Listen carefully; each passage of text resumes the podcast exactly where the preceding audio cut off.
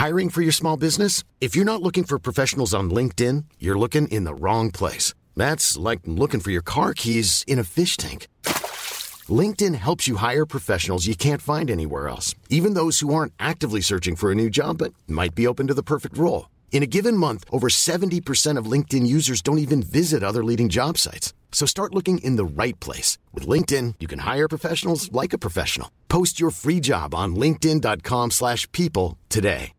Hi, I'm Daniel, founder of Pretty Litter. Cats and cat owners deserve better than any old-fashioned litter. That's why I teamed up with scientists and veterinarians to create Pretty Litter. Its innovative crystal formula has superior odor control and weighs up to 80% less than clay litter. Pretty Litter even monitors health by changing colors to help detect early signs of potential illness. It's the world's smartest kitty litter. Go to prettylitter.com and use code ACAST for 20% off your first order and a free cat toy. Terms and conditions apply. See site for details. VG fikk kritikk i PFU for kjendismanagersaken, ble felt. NRK fikk også kritikk i PFU for drapet i Akebakken, ble ikke felt. Så hva betyr det egentlig å få kritikk i PFU? Hvorfor er det to varianter av frifinnelse og to varianter av fellelse? Det lurer vi på denne uka. Det har vi vel lurt på en stund, egentlig. Og så eh, hører vi nå at dette høres litt sånn eh, PFU og eh, etikk nerdete ut. Men det som er fantastisk, Eva, det er at Ja. vi skal hekte dette på veldig spektakulære og spennende saker. Ja, Ja. det skal vi. Fordi- Og så skal vi prøve å gjøre rede for dette kaoset, Ja. eh, på et vis. Ja. Ja. Fordi etikken er jo på en måte grunnplanken i, i journalistikken, og alle som har med media å gjøre, når de stiller spørsmål ved hvorfor de gjør sånn som de gjør, kan jeg stille opp intervju, skal jeg ikke gjøre det, kan jeg trekke intervju Altså alle disse spørsmålene, svaret på dette finner vi jo i etikken. Ja. Sånn at eh, det, det, det, er, det er jo det som jeg syns er så vakkert med det. At eh, klarer vi å forklare hvordan presseetikken fungerer for folk, så skjønner de mer hver gang de leser en overskrift og lurer på ja, men er dette greit, er dette greit? Absolutt, og det foregår jo en uh, diskusjon i, uh, i Presseforbundet også om hvorvidt dette er litt for uh, unødvendig Ja. komplisert. Og, og det er vi vel egentlig enige om at det er, og det virker som mange i pressekretsene også er det. Og poenget her er jo at eh, presseetikken har jo et problem hvis den er uforståelig for folk. Så det må vi jo gjøre noe med. Nettopp. Og du skal komme inn på hva de nå har tenkt til, eller hva det går mot. For de, for de skal jo fjerne noen av disse De har jo flere gir, på en måte, i, i presseetikken. Ja. Det er ikke sånn eh, på, på en måte så er det enten brudd eller ikke brudd. Altså, eller enten fellelse eller ikke fellelse. Ja. Men det er allikevel glidende greier her. Ja. Så det, og så har vi Og- fått masse spørsmål om, om dette her, eh, så, så det skal vi prøve å, å, å forklare. Og så er det jo sånn da, at denne uka fikk vi vite at Durek den nye onkelen til prinsesse Ingrid Alexandra, som fylte 18 denne uka, han klager inn Se og Hør til PFU, men Se og Hør forklarer f.eks. hvorfor det er presseetisk innafor å publisere sak om prinsesse Ingrid Alexandras nye kjæreste. Så eh, disse sakene skal vi, skal vi se på. Hva er rett, og hva er galt, osv. Og så sitter kanskje du eh, som hører på og tenker at ja, ja, men altså Se og Hør, det er Se og Hør. Altså Presseetikken er noe annet. For det er lett å tenke. Ja. Men eh, det som er interessant, er at Se og Hør er faktisk en av de redaksjonene som har stålkontroll på presseetikken, fordi de hele tiden beveger seg helt i grenseland. Ikke sant? De vet akkurat hva som er innafor og utafor, som regel. Mm. og, og kan ofte redegjøre godt for sine vurderinger. Og så er jo ikke det nødvendigvis de samme vurderingene som andre redaksjoner tar, men allikevel, det er utrolig interessant å studere Se og Hør når man er interessert i presseetikk. Absolutt. Eh, og på samme måte som man tenker at eh, tabloidavisene de bryter sikkert presseetikken eh, ofte, mens lokalavisen min den, den er nå mye mer redelig. Og så er jo sannheten egentlig litt motsatt. Men Ja. ok, det er i hvert fall to viktige saker som vi har snakket om uh, i eh, Tut og Mediekjør mye. Altså både kjendismanagersaken til VG og Altså Erland Bakke, Erland Bakke. mm, som ble outa. Ja, det kan man godt si. Han ble karakterdrept Ja, i VG. i VG. Mm. Men han ble samtidig dømt til ubetinget fengsel for disse forholdene også, da. Så Ja. det er jo eh, det, det, det som i presseetikken heter berettiget, Mm. det er der. Men spørsmålet er om de har løst det riktig. Og så er det drapet i Akebakken, hvor vi hadde Scoop spesial, altså Tut og Tut og Medikjør hadde jo alle Skup og mediekjør. Eh, En av eh, fire episoder som vi hadde tidligere i våres. Mm. De kan du bare søke fram. Drap i Ak Akebakken, som handlet om eh, NRK-dokumentaren Ja. om et eh, ja, justismord, kan man kalle det. Ja, det er mye som tyder på det. Ja. Eh, samtidig så ble de aldri dømt eh, fordi de var barn, de var men allikevel så blir Ja. de beskyldt for det. Men altså, kjendismanagersaken var jo oppe i PFU fordi Erland Bakke hadde klaget inn VG på hele 16 punkter i Vær varsom-plakaten. Mm. Eh, Både fra kapittel 2 og kapittel 3 og kapittel 4. Ja, altså. der vil jeg si eh, gratulerer, Erland Bakke. Du har gjort det som bør gjøres eh, Mm. når man er en lekmann som skal klage til PFU. Fordi det er nå engang sånn i denne ordningen at dersom du ikke har klaget på et punkt Mm. i Vær varsom-plakaten som viser seg under behandlingen å kunne være relevant, så kan ikke utvalget forholde seg til det punktet.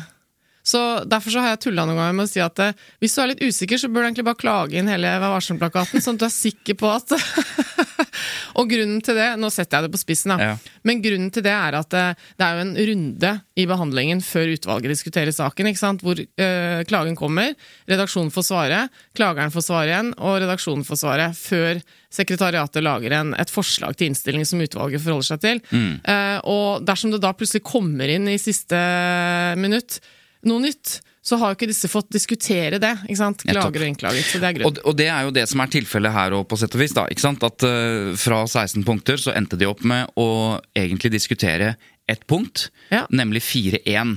Og Der står det at du skal legge vekt på saklighet og omtale i innhold og presentasjon. Saklighet og omtanke. Eh, omtanke er det, ja. Og det er et punkt som det virker så generelt at det er nesten litt sånn vanskelig å forholde seg til. For der blir det jo veldig sånn hva syns jeg, hva syns du? Hva er, eh, hva er nok? Omtenksomt nok, ikke sant? Hva er saklig nok? Så det er et veldig viktig og stort punkt i presseetikken, men eh, litt eh, krevende å forholde seg til. Og La oss ta konklusjonen først. Altså Utvalget var veldig usikker her. Og innstillingen fra sekretariatet som du nå snakker, altså Sekretariatet foreslår jo Det er de som jobber i, i Det er de som gjør grå, grovarbeidet her. Ja. De innstiller på en frifinnelse etter samlet vurdering. Og Vi skal komme tilbake til disse fire girene, men, men konklusjonen til sekretariatet før utvalgsmedlemmene hadde diskutert dette Ikke brudd, samlet vurdering. Mens konklusjonen ble kritikk, altså en Mild følelse. mild fellelse. Og det handlet om, helt konkret, saklighet og omtanke. Dette er, som medlemmene sa, et totalt karakterdrap av Erland Bakke. Eh, uavhengig av om han er skyldig eller strafferettslig. Ikke sant? Dette er jo presseetikk. Uh, at det var svært detaljert. Ikke sant? At det er så omfattende og så Ja, så stort, da Ja. at eh, de etter lang diskusjon så, så kom de fram til at eh, nei, her var det ikke vist tilstrekkelig omtanke. Et annet krydder eh, i forbindelse med denne saken er jo at det ble tatt dissens. Ja.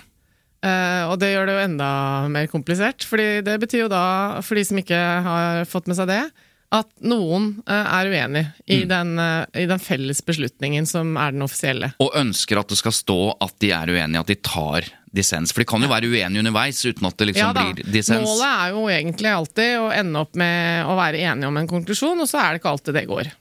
Altså Den ene representanten, og her var det litt sånn eh, allmennhetens representanter, sånn som du var i PFU, altså de som Mm. ikke er redaktører eller journalister eller sånn. Der var det de som var De som eh, representerer folk flest. folk flest. Og hun ene, som heter Nina Fjellheim, hun sa at sjelden har jeg lest noe så knusende. Det er ekstremt brutalt og utrolig detaljert. Og hun sa det også underveis, at det var oppfattet at det var lite motstemmer. Ikke sant? Alt bygges opp rundt at Erland Bakke har utøvd makten sin på en utrolig klandreverdig måte.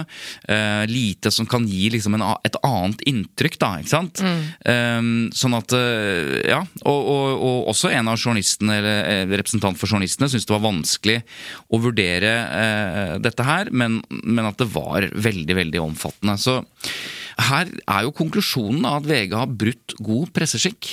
Ja. Og det tror jeg var litt overraskende for VG at de ble felt her. Jeg tror de har, eh, som vi snakket om den gangen vi snakket om denne saken, det er klart at de skjønner hvor rammende dette er for han. Og når de forstår det, så vil de jo sørge for å gjøre alt de kan for å være innenfor presseetikken ved å ha godt kildeutvalg og bredde i kilde osv. Men altså ble de felt. Ja. Jeg skulle likt å vite hva det gemene hop føler når de ser et sånt sakskompleks eh, liksom utfolde seg over eh, mange, mange sider.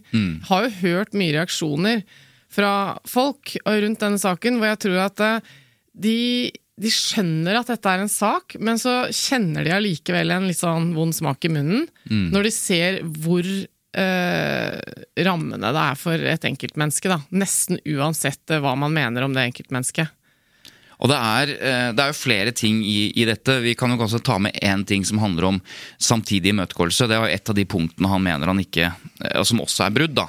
Det, å få svare på noen Ja. anklager eh, i samme artikkel. Ja, og Det diskuterte de ikke så mye, og utvalget konkluderer litt sånn tørt, da, med, eller, eller sekretariatet skriver at jo, samtidig imøtegåelse Det betyr jo ikke at du skal få samtidig imøtegåelse på enhver setning, enhver påstand, enhver opplysning, men at du skal få samtidig imøtegåelse og kunne imøtegå på en måte kjernen i beskyldningene.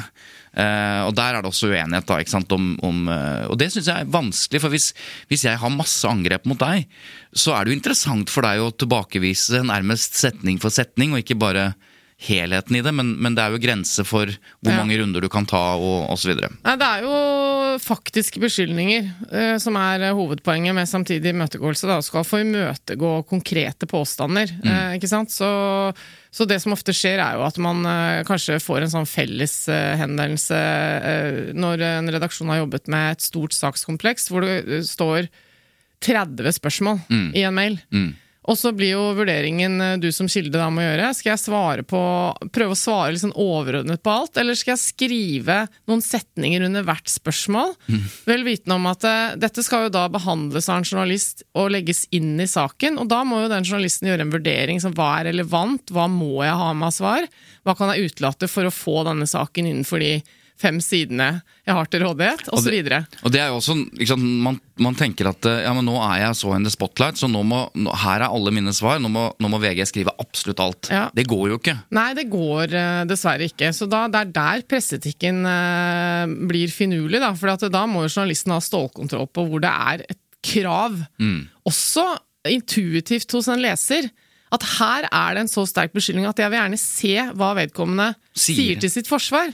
Og For det kan føles veldig ubehagelig som leser også, dersom dette ikke følges opp. Ja. Men eh, vet du at eh, Erland Bakke, kjendismanageren, klaget inn VG for to saker?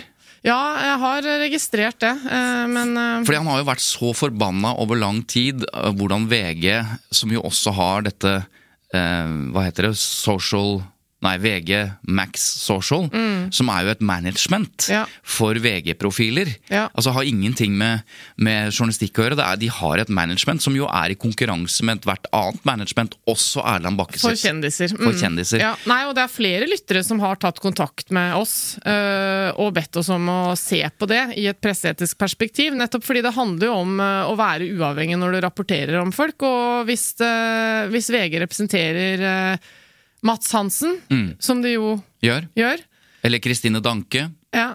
Så, så, og man er klar over det, så opplever man jo at liksom, klarer de å snakke om Mats Hansen på en ordentlig journalistisk, kritisk måte, når Ja. de er sjefene hans. Og ikke minst, når de velger å intervjue Kristine Danke eller Mats Hansen i redaksjonelle saker, gjør de det fordi det er det berettiget og mest naturlig å gjøre, eller gjør de det fordi de samtidig da gir førstesiden til en som de tjener penger på? Ja. Ikke sant? At de indirekte driver promo da, for en Ja. profil som de ønsker å, å få opp i Kjempeinteressant diskusjon også, fordi at eh, Erland Bakke eh, klager jo da Dette er jo helt på siden av kje- kjendismanager-saken, så klager han også på dette. ikke sant? Og mener at VG har brutt punktene eh, i Vær varsom-plakaten som handler om dette med dobbeltroller og ivareta e egen integritet og troverdighet og være åpen om bakenforliggende saker. VG skriver ganske enkelt vi er superåpne. Det er jo det som er deres verktøy mot dette. Hele tiden i slutten av artikkelen så kan alle lese. Kan gå inn nå på VG, og så ser dere Hvis det er en kjendis de skriver om i VG, så er det antageligvis helt nederst så står det de er tilknyttet Max Social, eller hva det er. Men det som er Der er de flinke. Ja, Altså, de er flinke på, åpenhet. ja. Spørsmålet er om det er nok. Ja, det er det. Spørsmålet er om det egentlig løser problemet. For nok er det jo kanskje, mm. sånn teoretisk. Mm. For å vise bakenforliggende, i hvert fall. Ja, altså Du informerer overalt hvor det er mulig, og sånn, er åpen om det. Men det forandrer jo ikke det faktum at uh, leseren ikke Nei. kan vurdere om er denne artikkelen egentlig berettiget, eller er den skrevet fordi de trenger uh, blest rundt det der nye programmet som VGTV har, eller Ja, og det er kjempeverdifullt. Ja. Og her var det også allmennhetens representanter i utvalget som stiller de samme spørsmålene som du også har gjort tidligere. ikke sant? Ja. Og det er sånn, Øyvind Kvalheim som sitter her, fra, han er jo professor, psykolog eller filosof på BI. ja. Han Er det Kvalheim eller Kvalsheim? Kval, kanskje det er Kvalsheim? Jeg er ikke sikker. Ja. Han sier nei, det er ikke et presseetisk brudd, men det er betenkelig. For det er stor fare for sammensausing av redaksjonelle og kommersielle vurderinger. Og Ninja Fjellheim sier det enda tydeligere. Jeg hører de sier det, at det ikke er noe, men jeg stoler ikke på det. Jeg stoler ikke på og Hvordan kan jeg vite at det bare er gjort journalistiske, journalistiske eh, vurderinger? Og dette tror jeg blir et uh, Og der ser det typisk at det er allmennhetens representanter som er mest kritiske, mens lederen for PFU, Anne Weider Aalsen, hun, hun minner om at jo, jo, men redaksjonene eller mediene må ha en, et, et næringsgrunnlag også i framtiden. Så med den kommentaren så sier hun egentlig jo, men vi må ha flere bein å stå på i journalistikken. Men dette er kjempe Ja, dette er veldig um, vanskelig, syns jeg. Ja, og forresten, det er Kvalnes, tror jeg. Øyvind Kvalnes ja, som sitter sitter i. PFU. Altså, jeg, jeg Ja, men har du har holdt på med veldig mye eh, på denne morgenen. Så Nei, det du er litt full i er vel for at jeg kjenner Jan Kvalheim. ja. Og da er det ja, det er alltid noen du kjenner som minner deg om noen som eh, gjør at du gjør et navnefeil. Men det, sånn er vi alle okay. sammen. Ja. Den andre saken som jo er eh, Som jeg syns er nesten enda mer interessant, fordi at du vet hvor opptatt jeg er av dette punktet i Vær varsom-plakaten om å gjøre premissene klare for intervjuet. ja. Det er vi begge. Ja, Det er så utrolig viktig at folk vet hva de er med på. Eh, og denne saken eh, Det er jo ingen hemmelighet at uh, jeg og du mener at denne, denne dokumentaren til, til NRK var fantastisk viktig.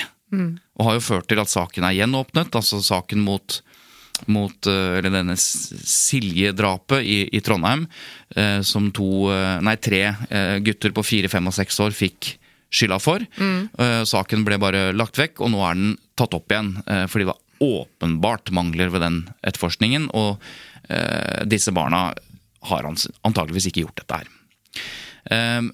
Så denne saken er en sånn hvor, hvor vi tenker åh, dette er det beste av journalistikk. Det er gravende journalistikk, det får konsekvenser. Barna har fått en eller annen form for oppreisning allerede, selv om saken ikke er oppklart. Og, og i det hele tatt så er det bare å stille seg i rekken av gratulanter, og, og vi har applaudert uh, dette, vi også. Men det betyr jo ikke at alt som har skjedd i den saken, er helt uproblematisk, sett fra et presseetisk ståsted. Nei, og i hvert fall ikke fra de involvertes eh, ståsted. Nei. Og her er det er jo ja. det du sier, ikke sant? At eh, det er det vi applauderer av journalistikk, fordi det er ordentlige gravesaker, viktige ting. Men det forandrer jo ikke det faktum at eh, når du er en kilde, eller en som får kritikk, eller en som det stilles spørsmål ved i en sånn sak, så oppleves jo den pressehenvendelsen akkurat lik som alle de andre sakene som vi syns er åpenbare. Og problemet her, som jeg tror du sikkert skal inn på nå, da, er jo at eh, ja, vi mener jo at enhver som skal ha med pressen å gjøre, må få eh, en redegjørelse for hva er, hva er det jeg har tenkt til å gjøre her, hva er det jeg ønsker å stille deg spørsmål om, eh, hvordan er denne situasjonen, hvordan skal du forholde deg til oss? Vi ønsker at det skal være en god dialog mellom journalist og kilde, men noen ganger står jo det i veien for å få det man trenger. Fordi noen ganger så trenger jo pressen å kunne overrumple noen litt, eller komme med et oppfølgingsspørsmål som er litt eh, vanskeligere for kildene å svare på. Ikke sant? Så det å gi enhver kilde full kontroll i forkant, det gjør jo også at man gir fra seg liksom, trumfkortet sitt som journalist. Da. Det er der det blir eh, komplisert i presseetikken. Og her skal vi gå helt Det er akkurat det det handler om. ikke sant? Og her er tilfellet eh, Og jeg skal prøve å gjengi dette, eh, og forhåpentligvis såpass presist at ingen blir misfornøyd. Men, er, eh, men, men det er litt vanskelig. Men her har vi altså en, en psykolog. Eh, De som har sett dokumentaren, husker at det var en psykolog som eh, var Jeg har sett den, jeg husker ikke detaljene, så her må du gå Nei, men ikke sant? Et, etter at disse barna eh, alle trodde at de hadde gjort det, så, så, så det ble det opprettet barnevernssaker. ikke sant? Så, så de, de ble jo tatt fra foreldrene sine. eh, I den tro at de hadde drept de, og dermed så eh, oppsto det mange utfordringer. Eh, Men poenget er at denne psykologen han hadde ansvaret for behandlingen, blant annet. Han skrev rapporter for 25 år siden, mm. som NRK sitter på. Ja. Så, eh, og De ville gjerne konfrontere han eh, og snakke om disse rapportene. Så gir han klar beskjed om at det vil han ikke. Jeg vil ikke snakke om de rapportene. Kan ikke snakke om de rapportene. Selv om de har fritatt meg fra taushetsplikten, så vil jeg ja, ikke det det. er eh, en annen Ja. interessant greie. Jo, men ikke sant? Så det er hans premiss. Ja. Og så går de tilbake og skal diskutere dette, og så kommer eh, NRK tilbake og sier at vi vil gjerne gjennomføre det intervjuet.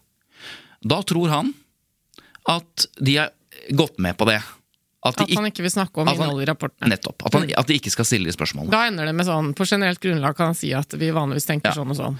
Så, men det er ikke mulig å spore opp en konkret avtale på en e-post hvor det står at jeg skal ikke svare på det, og NRK skriver ja, det er greit. Det fins ikke. Nei. Så det er ord mot ord. Ja, for det er en muntlig avtale, som egentlig er like gjeldende. Ja, eller er jo vet ikke engang om det er en avtale, for NRK mener at det aldri var noen avtale. Ja. Men, men ok, så starter de intervjuet. Og da gjentar han dette her i forkant av intervjuet, mens det rigges opp. Du kan se for deg dette her med flerkameraproduksjon og lys, og det er skikkelig rigg. Ja, for det, det er jo en annen ting. Det er jo liksom den visuelle innpakningen av et intervju Ja, ja. som kan være overrumplende, eller oppleves veldig sånn Ja, massiv sånn- for en kilde også. Du tenker kanskje ok, da, jeg kan ikke være han som nekter å snakke med en journalist, så greit, kom, kom til kontoret mitt. Ja. Og så dukker det opp eh, fullt filmteam med lyslamper og sånn, og da får du jo litt, litt Ja, Det har i hvert fall noe å si for hvordan du håndterer intervjuet. For, Ja. det for du kan ikke bare valse ut av det intervjuet i protest eh, på samme måte som du kan gjøre det hvis du bare sitter en journalist på kontoret ditt. ikke sant? Så, men i hvert fall så, så gjentar han da visstnok dette her, at eh, han vil ikke snakke om det. Og da sier journalisten noe som at ja, men vi, vi, vi får bare starte og ta det, ta det der, derfra, Mm. på en måte.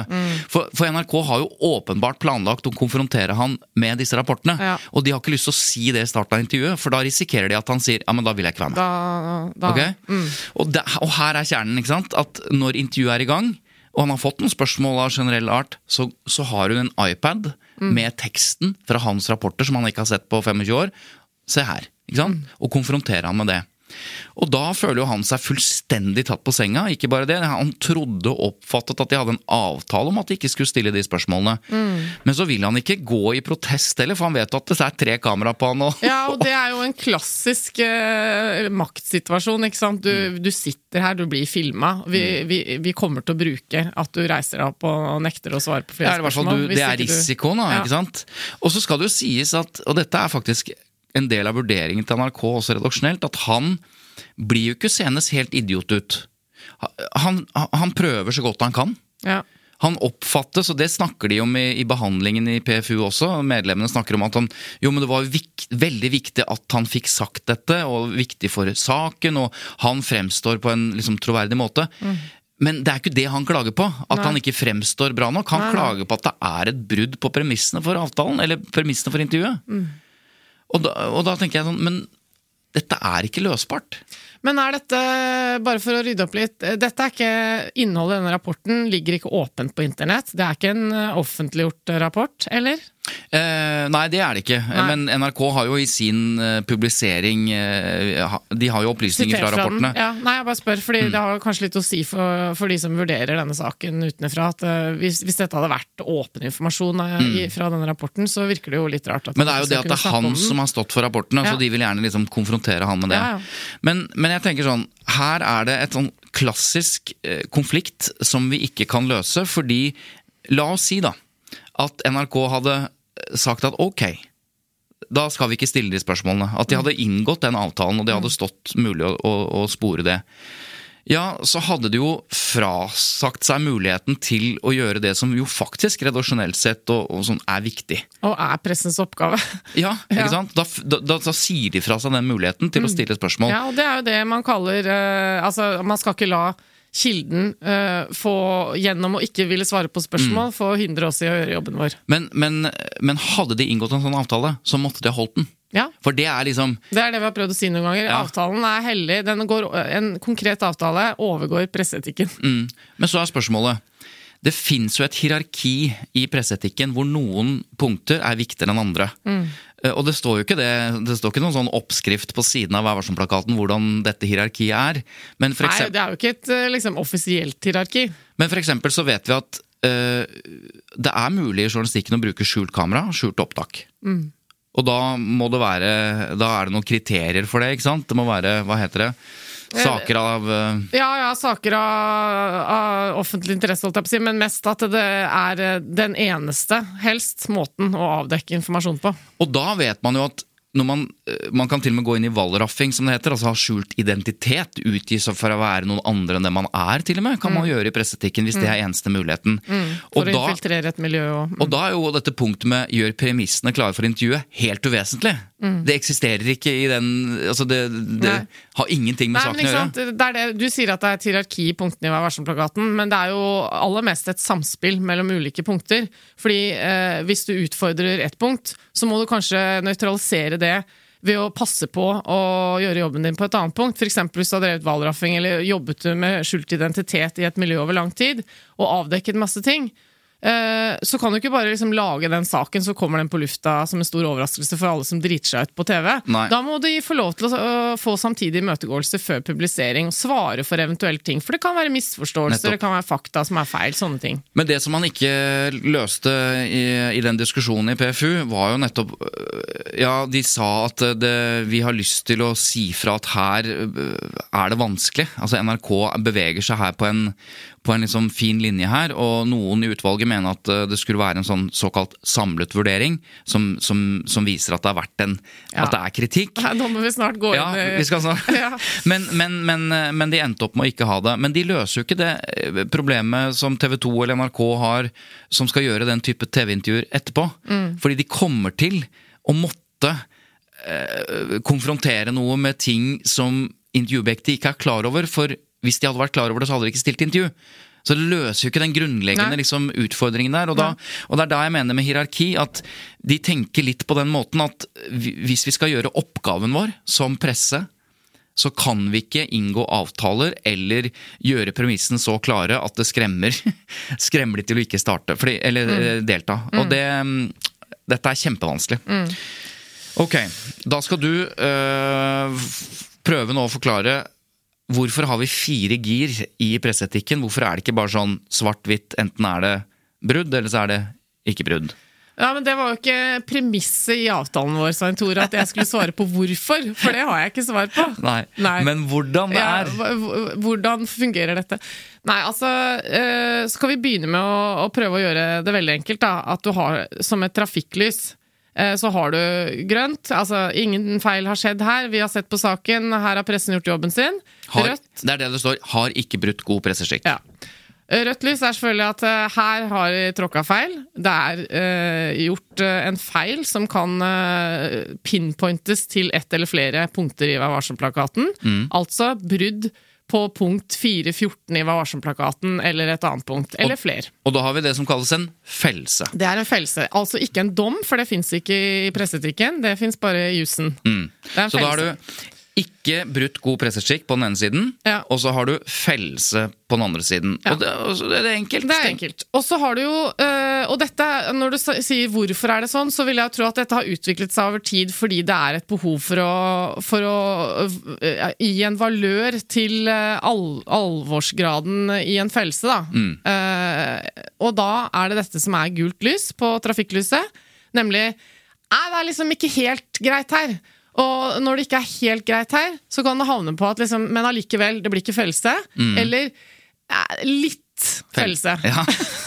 Og da når det er den derre litt kritikk her, men allikevel ikke fellelse, det er da det kalles samlet vurdering. Litt kritikk, men ikke fellelse. Da sier de etter en samlet vurdering eh, ikke brudd. Ja. eh, På god presseskikk. Og det som er så komplisert med dette, syns jeg, er at i min verden så er jo begrepet etter en samlet vurdering Det er jo en, det er en ordlyd som sier noe om at her har det vært mye diskusjon. Eh, vi har sett på masse små detaljer og punkter og diskutert dem, og det har vært litt uenighet osv. Men når vi nå samler oss til slutt i en helhetsvurdering, så finner vi at ok, men dette er ikke fellelse for eh, god presseskikk. Men eh, det som har skjedd, er at det, det, har, bli, det har etablert seg en sånn måte å snakke på som er at det, vi lander på en samlet vurdering. Og det er bare, For meg er det helt ulogisk. Mm. Ja. Jeg vet ikke om det fins i andre liksom, i Nei, er- og sånn, men, men for rart. meg er det jo bare et begrep. Som sier at eh, nå samler vi all eh, diskusjonen ned til ikke felse. Mens eh, eller, er eller sånn sagt på en annen måte, hvis de kommer fram til eh, at det ikke er brudd på eh, god presseskikk, så har de også hatt en samlet vurdering av det. Ja. Men da bruker de ikke begrepet Nei, det det. samlet vurdering. Så det har etablert seg som en konklusjon. Mm. Og det syns jeg er veldig rart, fordi uh, man sitter rundt bordet i PFU, og så er det noen som foreslår Nei, eh, nå har jeg fått tenkt meg om, og det er veldig bra. Man diskuterer, man tenker høyt sammen, og så går man ofte til slutt en Mm. runde rundt bordet og sier Hvor er du nå, hvor lander du? Så sier jeg "Eh, jeg lander på en samlet vurdering. Altså, ja, men det er jo ikke noe. Det er jo bare at du gjør jobben din. Du samler alle. Og det Så- sa, sa de i behandlingen av, av NRK drap i Akebakken-saken. Så Ja. sier eh, lederen i PFU jeg har lagt på bordet en samlet vurdering. Altså Da har hun foreslått å lande på en samlet vurdering. Ja. Nå er det oppe til diskusjon. Er det Ja. flere som har lyst til å være med på en samlet vurdering? Ja. Nei, det, det var var det sånn, ikke. Nei, nei, vi vil ikke samle eh, vurderingen vår. det er helt merkelig, syns okay, jeg. så, så det er det. Da har du liksom ikke brudd, og så har du allikevel ikke brudd, men etter en samlet vurdering. Er, da, da er det noe kritikk For der. Jeg syns jo at det, bare for å ha ryddet opp i det litt mer, da, at det, det er helt fint å bruke formuleringen etter en samlet vurdering finner utvalget at det ikke er brudd på god presseskikk. Mm. Det er helt fint for meg å lese den setningen. Eh, Men da, er jo, da bør jo diskusjonen rundt bordet være 'jeg lander på ikke brudd'. Mm. Og så når vi skriver ferdig konklusjonen, så tar vi inn at eh, ja, etter en samlet vurdering finner vi ut av det. Fordi det har vært mye greier. Det er en indikasjon på at det har vært vanskelig. Ja. Det er fint nok, det. Men det må ikke bli én av fire mulige konklusjoner. Nei, og det, og det er jo det som er eh, Pressens faglige utvalg, eller eh, Presseforbundet, Norsk Ja. Presseforbund, de har jo diskutert dette nå, og det, alt tyder på at jeg er enig med deg. At dette, dette skjønner ikke folk. Mm. Så eh, begrepet samlet vurdering, eller i hvert fall det å lande på en sånn eh, mild refs, men allikevel ikke brudd, den er på vei ut. Ja, Det kan tyde på det. Og så har du da på den andre siden når det faktisk er brudd, og der roter vi Nå sa jeg brudd, men jeg mente fellelse. Fordi en fellelse er Brudd enten er greit å si. Jo, men, men det kan være kritikk, og det kan være brudd. Ja. Og det er derfor vi, det- Dette illustrerer jo hvor rotete det er. fordi Ja, vi blander begrepene brudd og fellelse, men la oss ta det. På den siden hvor det er rødt trafikklys, Ja. så er det to ja, gir. det er riktig. Det er brudd på god presseskikk, og med henvisning til et punkt. Det er helt klart, det er rødt lys. Og så er det at du får kritikk. Det er en, en mildere følelse. Men det er fortsatt en følelse? Ja, Men det er også en misforståelse fordi, hos mange. da, fordi at når du bare får kritikk, så er det noen som går rundt og omtaler det som at det ikke ble felt. Fordi nei, vi fikk noe kritikk, men vi ble ikke felt. Men det er feil. Altså, Mm. Det er feil. Får du kritikk i konklusjonen, så går det inn i historiebøkene, i statistikken til PFU, Mm. Som et brudd på god presseskikk. Eller altså, ja, som en Og det var jo akkurat det som skjedde i Kjendismanagersaken, hvor innstillingen fra sekretariatet først var samlet vurdering, ikke brudd. Og så diskuterte de seg fram til nei, det er over grensen. Det er kritikk på Ja. punkt 4.1. Så de beveger seg på, gul, på skalaen Nettopp. av gul lys. Hele problemet med dette prøvde vi å illustrere i, i starten, for da sa vi at altså på, i en folkelig sammenheng så fikk jo både VG og, og NRK kritikk Ja. for, sin, for, sine saker. Begge, begge to fikk kritikk. Altså i begrepet at de ble kritisert. Mm. Men de landet ikke på kritikk i begge sakene Nei. som en fellelse. Så ja. Ikke sant? Og du som sitter der hjemme, skjønner jo sikkert eh, hvor eh, komplisert dette er og har allerede falt av, kanskje. Eh, det er jo derfor det er et problem. Men på den annen side så må det jo også sies at det, denne skalaen har jo oppstått av et behov. Sant? Det er jo et behov for å signalisere at det er litt ulik alvorlighetsgrad i, i eh, disse PFU-sakene. Så jeg skjønner jo dette behovet. Jeg tror det som må ryddes opp i, er eh, hvordan det kommuniseres Ja. til slutt. Og øh, bare for å gjøre forvirringen total da, helt mot slutten, så er det sånn i den diskusjonen som nå pågår i pressekretser, om Ja. de skal fjerne samlet vurdering, så er det et forslag som ligger der, eh, som noen tar til orde for, er at eh, vi må ha enten brudd eller ikke brudd, men kanskje vi kan omdefinere eller definere kritikk på midten der. Bare ett begrep eller én sånn variant av dette, kritikk, men som likevel er ikke-felse. Ja, for på, når du eh, konkluderer med kritikk, så trenger du ikke å vise til et konkret punkt. Det er forskjellen også fra et rent brudd. Ok, men vi skal ikke slippe presseetikken helt uh, der, fordi nå er det sånn at det har pågått en diskusjon om det var riktig av Se og Hør og innafor presseetikken å omtale kjæresten, som ikke jeg visste fantes, kanskje Nei. ikke så rart, fordi jeg har ikke lest om det, Nei. kjæresten til Ingrid Alexandra, som nå fylte 18 år, tronarvingen vår. Prinsessen. Prinsessen. Um, la oss bare ta det først, uh, uavhengig om det er uh, brudd på presseetikken. Hva tenker du om at Se og Hør nå, på dagen etter at hun fylte 18, så kommer førstesiden og storyen om kjæreste og, og privatlivet hennes? Altså, som Eva, som menneske, Mm. så tenker jeg at uh, stakkars, det, det må hun vel få slippe. Ja. La henne få lov til å rote litt rundt i kjærlighetslivet og prøve seg litt fram. Og liksom, herregud, hun er jo 18 år. Alle Skal ikke gifte seg i morgen, liksom. veit jo hvor vanskelig de greiene her er. Så det tenker jeg jo liksom som menneske at hun må få lov til, uten at vi skal drive og bry oss og grafse i greiene. Mm. Det, Det var, ja. Og det en eh, kommentator i Dagsavisen sier det egentlig på den måten. Ikke sant? Når hun så dette, så tenkte hun å nei. Da jeg så bildet av henne over hele forsida til Se og Hør, nå har det starta. Og det gir meg en klump i magen. Og det er jo det menneskelige, kanskje, reaksjonen, da. Eh, men det er jo bare Se og Hør som har, eh, som har skrevet om det. Det er ingen som har eh, fortalt. Ingen andre som har gjort det, nei. Og da er det jo grunn til å tro at redaktørene i de andre mediene har hatt en lignende refleksjon. Mm. At det er noe som bare sier dem, langt inn i beinmargen, at eh, la oss vente litt med de greiene her. Er ikke nødvendig. Nei. Men, men da skulle man jo tenke at Se og Hør er på ville veier, Mm. fordi alle andre la lar være. Eh, og da, hvis de er på ville veier, så må vi da inn i presseetikken. Er det La oss si da at de klagde Mm. på oppslaget. Og, du hadde, og du måtte inn igjen den diskusjonen vi nettopp har eh, snakket om. Ja. Er det fellelse? Er det kritikk? Ja. Er det hva, ikke Ja, sant? Hva, Vi kan jo prøve å liksom behandle saken nærmest eh, litt nå. Uh, men da må jeg bare informere om at jeg ikke har lest saken. Men du har fortalt meg at eh, det er eh, navn og bilde på denne angivelige kjæresten. Ja, altså det, du kan da lese Nå kan Se og Hør avsløre alt om den hemmelige romansen, se de eksklusive bildene, lese alt om koblingen til den styrtrike norske kjendisfamilien. Skriver da Se og Hør, ikke sant? Og, og da lar de kjæresten pryde forsiden sammen med bilder av eh, kongefamilien og, og, og fra denne gallamiddagen. da. Og så, er det jo da i vår eh, plussverden Blads digitale abonnenter de kan da lese enda mer om kjæresten, om utdannelse, familiehistorie, hvis de Mm. Da kjøper Dette er jo en klassisk sak som kan skaffe abonnenter, ikke sant? Absolutt. Man får jo lyst til å bare Greit, da, jeg signerer den derre Og da er det jo flere som har vært kritiske, han Trond Norén Isaksen, som er en sånn kongehusekspert. Inntil nylig kongehusekspert i TV 2, før han røyk uklar med noen der, og ikke lenger er det. Men han også Og han med panneluggen? Ja, han med panneluggen. Og det er jo Han også gjør jo eller frilansting for Se og Hør, men han er likevel veldig da kritisk til dette. Mener at eh, liksom, Ja, men har det offentlig interesse? Han sier jeg mener personlig at denne saken ikke har den store offentlige interessen.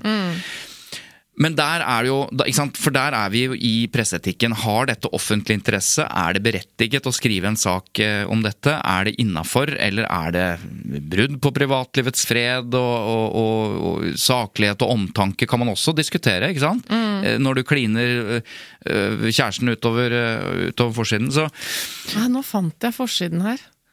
Ah, Han ser ut som en kjekk kar, da. Ja, da er det greit presseetisk, mener du? Siden han er, siden han er kjekk. Han kan jo kanskje gjøre seg som eh, konge, eller er det konge han blir? Blir han uh, dronninggemal? Sånn sitter folk. Ja. Så, sånn er det. Ja, Så det har jo offentlig interesse, da, høres ja, ut som. ja, det er jo sånn det blir. Ja, se, kjekk, han har jo på seg dress, da. Hvor kommer han fra? Hva slags familie er han fra? Mm. Sikkert ålreit uh, type, han, vet du. Sånn er det. Men det er vel greit? Ja, altså Jeg er jo Altså, jeg er, jo, jeg er jo absolutt ikke inhabil, men eh, det skal jo sies at jeg har vært i en situasjon før som, eh, som, som kan relateres til dette, ikke sant? Og med bakgrunn i det, så vet jeg jo liksom hvor kjipt det er også. Mm. At man skal prøve seg fram med et eller annet eh, kjærlighetsforhold, og så skal man liksom underveis i det måtte forholde seg til hva hele verden nærmest sitter og tenker og diskuterer og føler om, om sånn og sånn, og han ser hyggelig ut eller ikke hyggelig ut, og han burde smile mer på bilder og sånne ting. Og så, og så er det bare det at jeg, jeg tenker at feilen her, som er litt trist det òg, men feilen her er at eh, hun har tatt med seg han på bursdagen sin. På Slottet. Sammen med hele eh, Ja, eliten. Men bare hør på det. ikke sant? Du er 18 år, du har en stor bursdagsfeiring. Riktignok er det den offisielle som hele verden eh, følger med på. Ja, men, eh, riktignok. Ja, men det er jo likevel bursdagsfeiringen din, og hvis du har en kjæreste, så har du lyst til å ha den kjæresten der. Men når du er prinsesse i Norge, så er du nødt til å ta noen mer profesjonelle vurderinger rundt sånne ting. Eh, dessverre. Eller heldigvis. Jo, men vi vet jo ikke Ja, og den, den, eh, den smartere profesjonelle vurderingen her hadde nok vært å, å bare si sånn Du, eh, vi, vi driter i at du blir med på Slottet. Skulle veldig gjerne hatt deg der, for jeg digger deg, og det gir meg en trygghetsfølelse, og jeg har lyst til at du skal dele denne dagen med meg, det er viktig og sånn. Men for å skåne vårt forhold og deg inntil videre, så tar vi liksom et glass vin når festen er over, på en måte. Mm. Jo, men premisset ditt her, det er jo at Ingrid Alexandra eller familien hennes syns det er problematisk at Se og Hør avslører det. Ja. Det er jo ikke sikkert de syns det. Det kan godt hende de tenker at vet du hva, hvis, hvis han Magnus på 22 blir med på Slottet nå, da blir det oppslag av det. Ja. Så det men det, det er greit. Det er vi stålsatt eh, for. Ja. Kanskje de til og med er positivt overrasket at det bare var Se og Hør som skrev om det, og alle de andre lot være. ja. Så, eh, men jeg skjønner hva du mener. Ja, det klart at det kan hende at de har gjort vurderinger. Nå kjenner ikke jeg detaljene i hans deltakelse på dette eventet. Eh, han var vel på Deichman sikkert òg, da? Ja, Det vet jeg ikke, Nei. men det har i hvert fall bilde av han. eh, er sikkert, hun sitter, han sitter jo ikke som hennes Sitter ikke ved siden av Ingrid Alexandra på hovedbordet, sikkert. Han er sikkert nede blant noen venner og kjente og ungdommer og Tipper jeg, da. Mm. Eh, og de har nok gjort noen sånne vurderinger som de tenker at underbygger behovet for å skape en avstand til den offisielle rollen. Ja da, Han ble jo såkalt, ifølge Sehar, smuglet inn på Slottet. Ja, ikke sant? Så det er jo sånn de tenker. At Mm. eh, det er, jeg også var jo i kronprinsbryllupet i sin tid. Ikke som offisiell gjest. Eh, som eh, kronprins Filippes Nei, følge. Kom du, bare, kom du bare til kaffen? Fikk Nei du bare sånn kaffe... Nei, jeg var ikke kaffegjest. Eh, Jeg var med, men jeg var ikke på ikke sant? Det var så mye gjester at det, det var delt i to. Mm. Noen eh, spiste på Slottet, noen spiste på Oslo Militære Samfunn.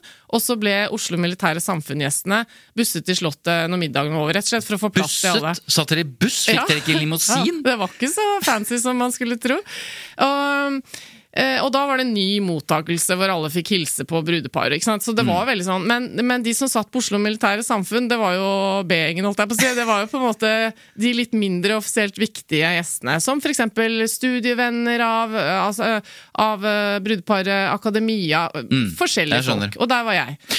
Så øh, hvor er det jeg skulle hen med det? Nei, du ble jo blåst Jo, som bare pokker ja, på det bryllupet, for- og det så- visste du vel at du kom til å bli? Ja, men det var jo ikke noe Det var jo skrevet om det òg. Ja. At eh, gjestelista sånn, der står hun. Men ikke sant, det er det som er poenget mitt. At eh, der, der ble det gjort en veldig sånn ryddig eh, beslutning om at der sitter Eva. Hun er jo ikke til bords med han som hun ikke er forlova med, Mm. og Så, så Så der har jo de tenkt riktig, sikkert. Men så når vi leser om dette i Se og Hør, så fremstår du liksom som Ja, men hun tok henne jo med på bursdagen. Det er jo det samme som å, å Mm. offentliggjøre han. Men det er det jo ikke nødvendigvis, ikke sant? Så hvis jeg skal komme med min konklusjon, så tenker jeg som så at uh, det er innafor, det Se og Hør gjør. I den, altså presseetisk innafor. Mm. Hun er 18 år, eh, har akkurat blitt 18 da. Hun tar med seg kjæresten på den offisielle middagen på Slottet. Altså, de gjør ikke den vurderingen du snakket om om bare la oss møtes etterpå. De tar han med. Um, og de to tingene i Men jeg må bare arrestere deg. Ja. For det det er ordvalg her òg, ikke sant? Du sier, og helt med rette for så vidt, men du sier hun tar med seg han på Slottet.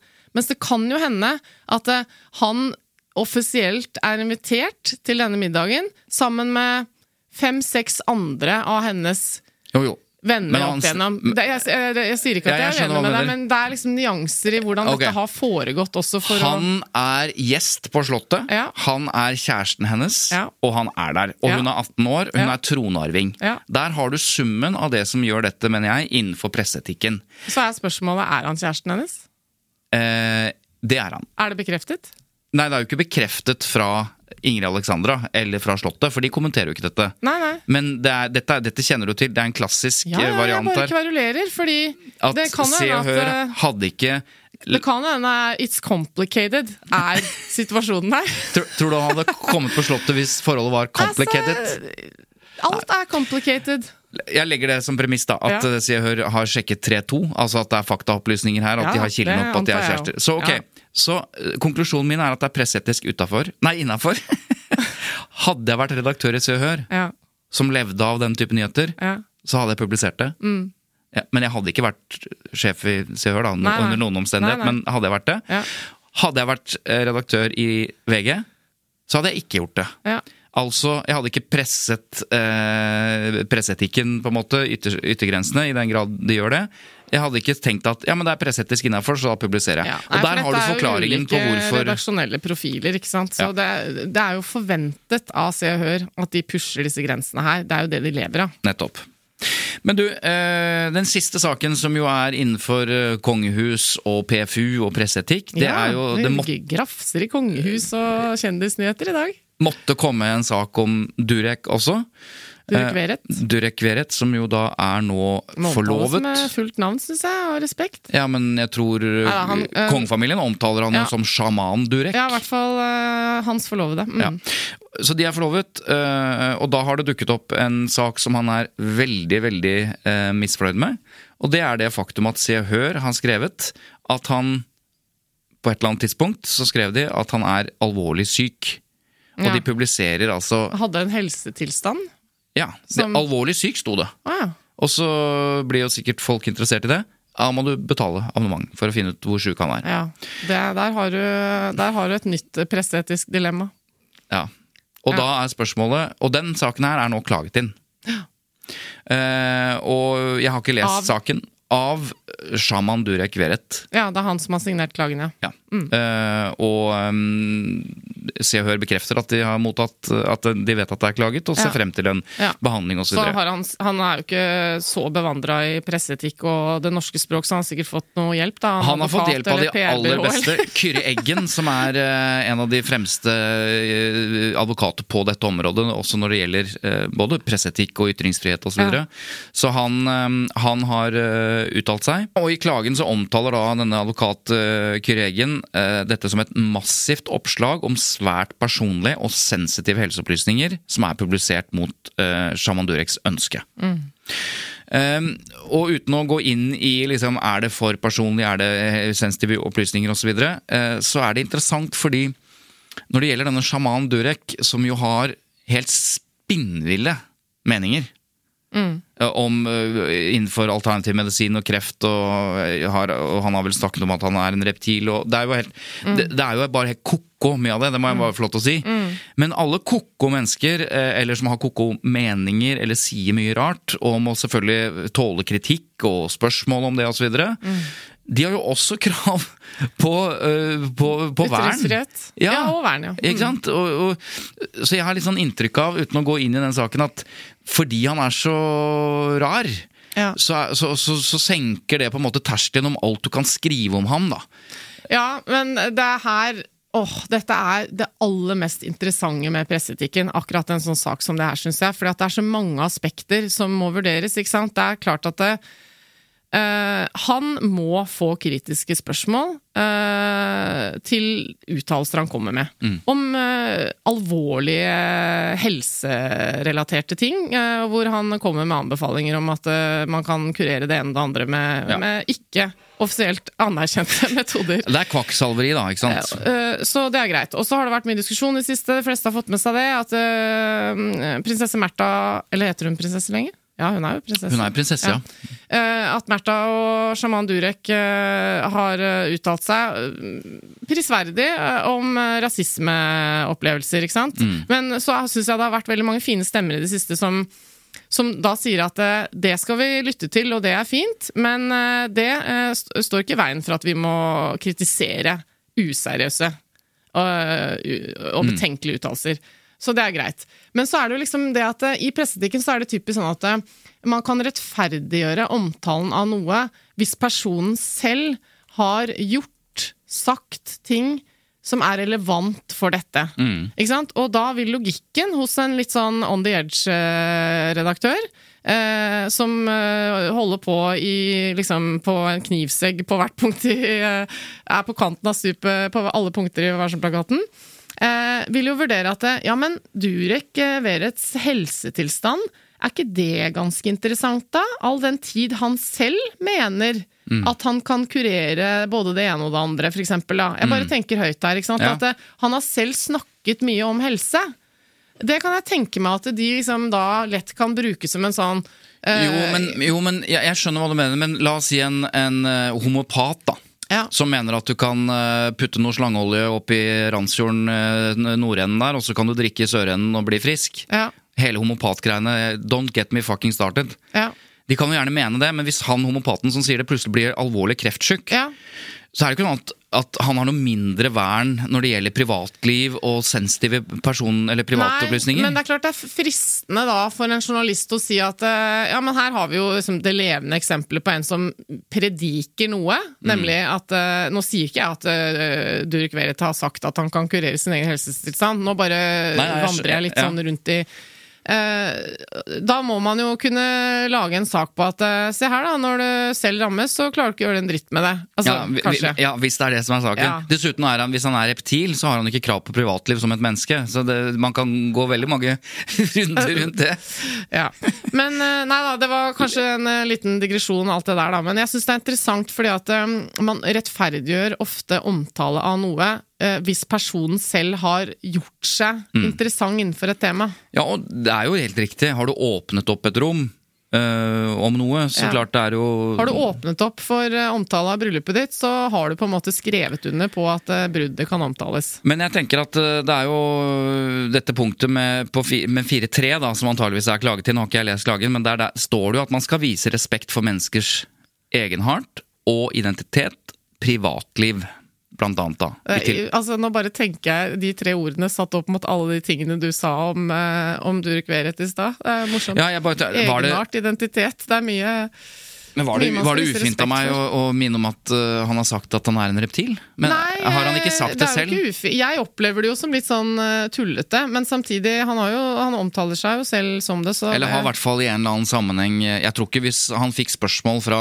fra kongen av Belgia nå på middagen på Slottet om er det riktig at du er en reptil, jeg tror ikke han sier ja da. Nei, Så det er et eller annet uh, Ja. Fins det en konge av Belgia, forresten? Du som, er ikke det et, konge, er ikke det et Ja, ja. monarki? Ja. Mm. Ok. Vi har eh, snakket om sånn det vriene innenfor presseetikk, altså alle disse glidningene i, eh, i eh, frifinnelse eller fellelse. Heter det frifinnelse? Ja. Det heter frifinnelse. Mm. Det er rart at man blander inn sånne strafferettslige begreper på den ene siden, at det heter frifinnelse, men må ikke finne på å si dømt. Nei, For da er du felt. ja, Ja. det er sant. Ok, Filippe av Belgia. jeg måtte sjekke, jeg ble Ja. plutselig litt usikker. Det er en konge i Belgia. nettopp. Eh, og så spurte du om Märtha Louise eh, er prinsesse. Hun er jo fortsatt prinsesse, men det Ja, men som er forskjellen er. Nei, hun, hun, hun har frasagt, på en måte frasatt seg den, den tittelen, da. Ja. Ok, vi har også et, Veldig ryddig og oversiktlig, det der. vi har et lyttespørsmål. Ja, Mm. Og det Da ble vi ferdig med PFU-klagen til sjamanen. Ja, den skal jo selvfølgelig da behandles Ja, det vet vi eh, ikke hva som skjer. ordinær, på, antageligvis på ordinær måte, som innebærer litt sånn til, runde med Ja. klager og innklager. Det tar vanligvis to-tre måneder før saken da er på PFU-spor. Ja. Uh, og uten å ha lest klagen og uten å ha lest saken, for jeg har ikke betalt for å lese saken, uh, da har du et ganske spinkelt grunnlag for å konkludere. Men jeg tipper at her kan det gå mot en fellelse. Ja, det er vanskelig å si før man har sett eh, detaljene i saken, men ja, det er i hvert fall ikke utenkelig. Nei. Ok. Spørs om øh, de har en sånn der, Grinbitter-utvalget som er villig til å liksom, gå inn i alle detaljer, ikke bare tenke sånn Nei, men når du har bedt om offentlig oppmerksomhet, så får du tåle det. Ja, er sånn, sånn er det jo en overordna holdning litt for mange har, syns jeg. Okay. Hvis du har invitert dem hjem på Firestjerners middag, da har du bedt om eh, offentlighet rundt deg, så da må du tåle det. Og Sånn. hvis du mener at han kan kurere både den og andre, så må du regne med at alt av helseopplysninger om deg blir publisert i Se og Hør. ja. sånn er det jo ikke. Lyttespørsmålet kommer fra Klara. Det er veldig sjelden vi får lyttespørsmål fra Klara. Er det Klara K eller Klara C? Eh, Jeg har nemlig to stykker i min omgangskrets som blir men det er signert som. Klara Klok, altså alliterasjon KK. Så Ja, ja. Nei da, det er ikke det. Men, men hun lurer på Vi snakket om denne videoen eh, av denne mm, høytstående offiseren, som Ja. visstnok uh, en ung mann som inviterte han på nachspiel etter et stort arrangement på Akershus festning, så filmet han denne offiseren mens I han lå Forsvaret, som Ja. har en viktig jobb Ja. i det norske forsvaret. påsto at de hadde tatt narkotika sammen, at han sovnet, og at han filmet denne offiseren da. Denne videoen eksisterer, fordi ifølge VG så har eh, Dagbladet visstnok eh, eh, tilbudt 65 000 kroner for dette materialet hvis det ble en sak. Hvis det ble publisert, ja. mm. Og da- ja er det hvis det ble en sak, eller hvis videoen ble publisert? Det er vel Ja, det, det handler om hvis det ble en sak. Fordi, Ja, okay. Og det er litt av det spørsmålet går på. Fordi det Klara Klara lurer på da, det er jo eh, Kan Dagbladet publisere en sånn video? Ganske enkelt. Altså fordi at eh, Det må jo være en tanke bak at de tilbyr masse penger for en video, hvis de ikke skal publisere den. Eh, Hva, hvor, Nei, hvorfor- fordi da må vi skynde oss å si at uh, i omtale av denne saken, så er jo da denne offiseren fra Forsvaret anonymisert. Ja, i VGs, eh, for det er bare VG som har omtalt saken. Ja, fordi at eh, Dagbladet er jo fortsatt på at vi kan ikke kommentere upublisert materiale, så de har jobbet med sakskomplekset, men ikke laget sak på det. Mm. Men det er to spørsmål i ett her egentlig fra Klara. Det ene er kan de publisere denne videoen? For hun tar det for gitt at betaler de penger for det, så skal de vel publisere den på en eller annen måte. Er ikke det da brudd på eh, 18 punkter i Vær varsom-plakaten? Mm. Det kan bare- det potensielt være. Ja, la oss bare ta det. Eh, hvis de velger å publisere videoen, vi har jo ikke sett den, men hele forutsetningen for i det hele tatt å være innafor her, vil jo være at den er fullstendig anonymisert. Ja. Altså, Jeg kan ikke se for meg eh, noe sak hvor du har en sovende offiser som er full identifisertbart. Påstanden er at han har tatt narkotika, selv om han selv sier han ikke har gjort det. Mm. Så ser du et fullt identifisert sovende offiser liggende halvnaken på en sofa i en Ja. leilighet.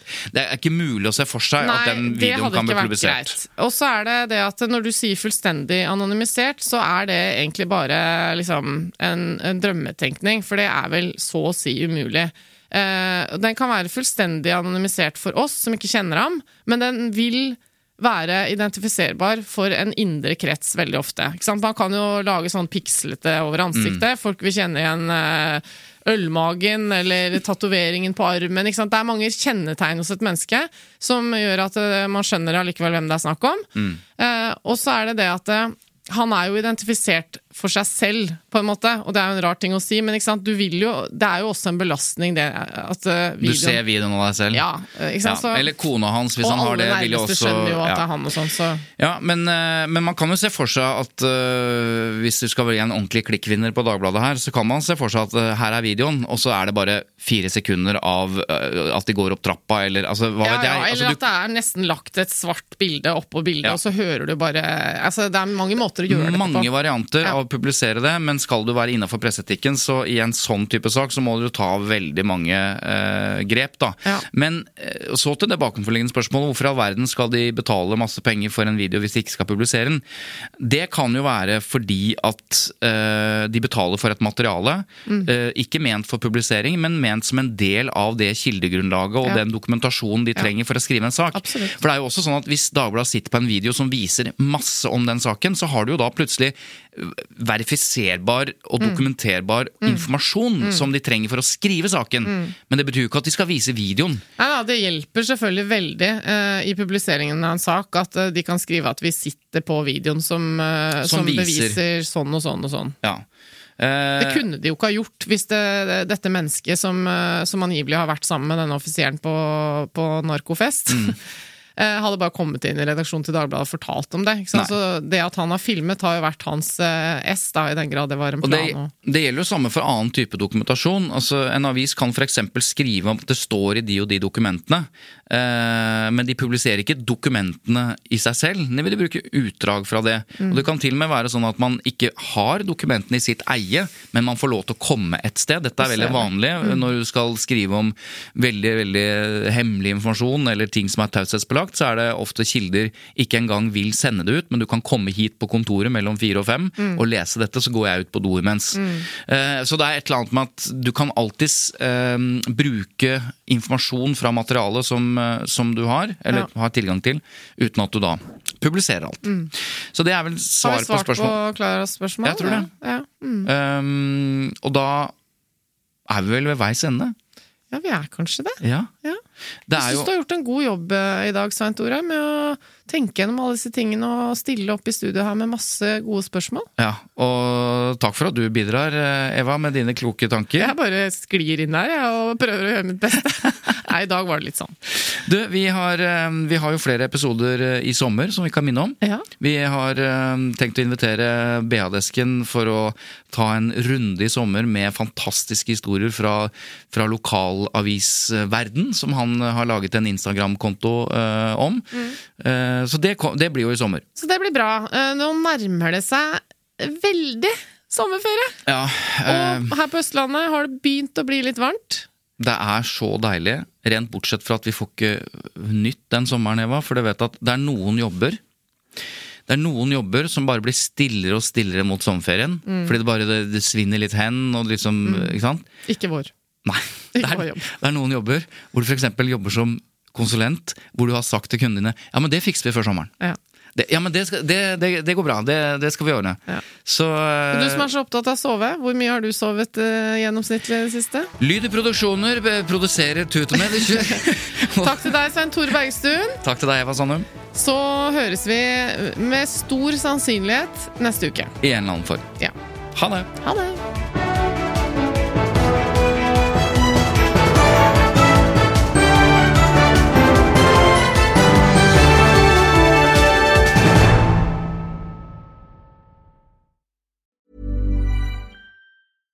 Flexibility is great. That's why there's yoga. Flexibility for your insurance coverage is great too. That's why there's United Healthcare Insurance Plans. Underwritten by Golden Rule Insurance Company, United Healthcare Insurance Plans offer flexible, budget friendly coverage for medical, vision, dental, and more. One of these plans may be right for you if you're, say, between jobs, coming off your parents' plan, turning a side hustle into a full hustle, or even missed open enrollment. Want more flexibility? Find out more about United Healthcare Insurance Plans at uh1.com. Even when we're on a budget, we still deserve nice things. Quince is a place to scoop up stunning high-end goods for 50 to 80% less than similar brands. They have buttery soft cashmere sweaters starting at $50, luxurious Italian leather bags, and so much more. Plus, Quince only works with factories that use safe, ethical, and responsible manufacturing. Get the high-end goods you'll love without the high price tag with Quince. Go to quince.com slash style for free shipping and 365-day returns.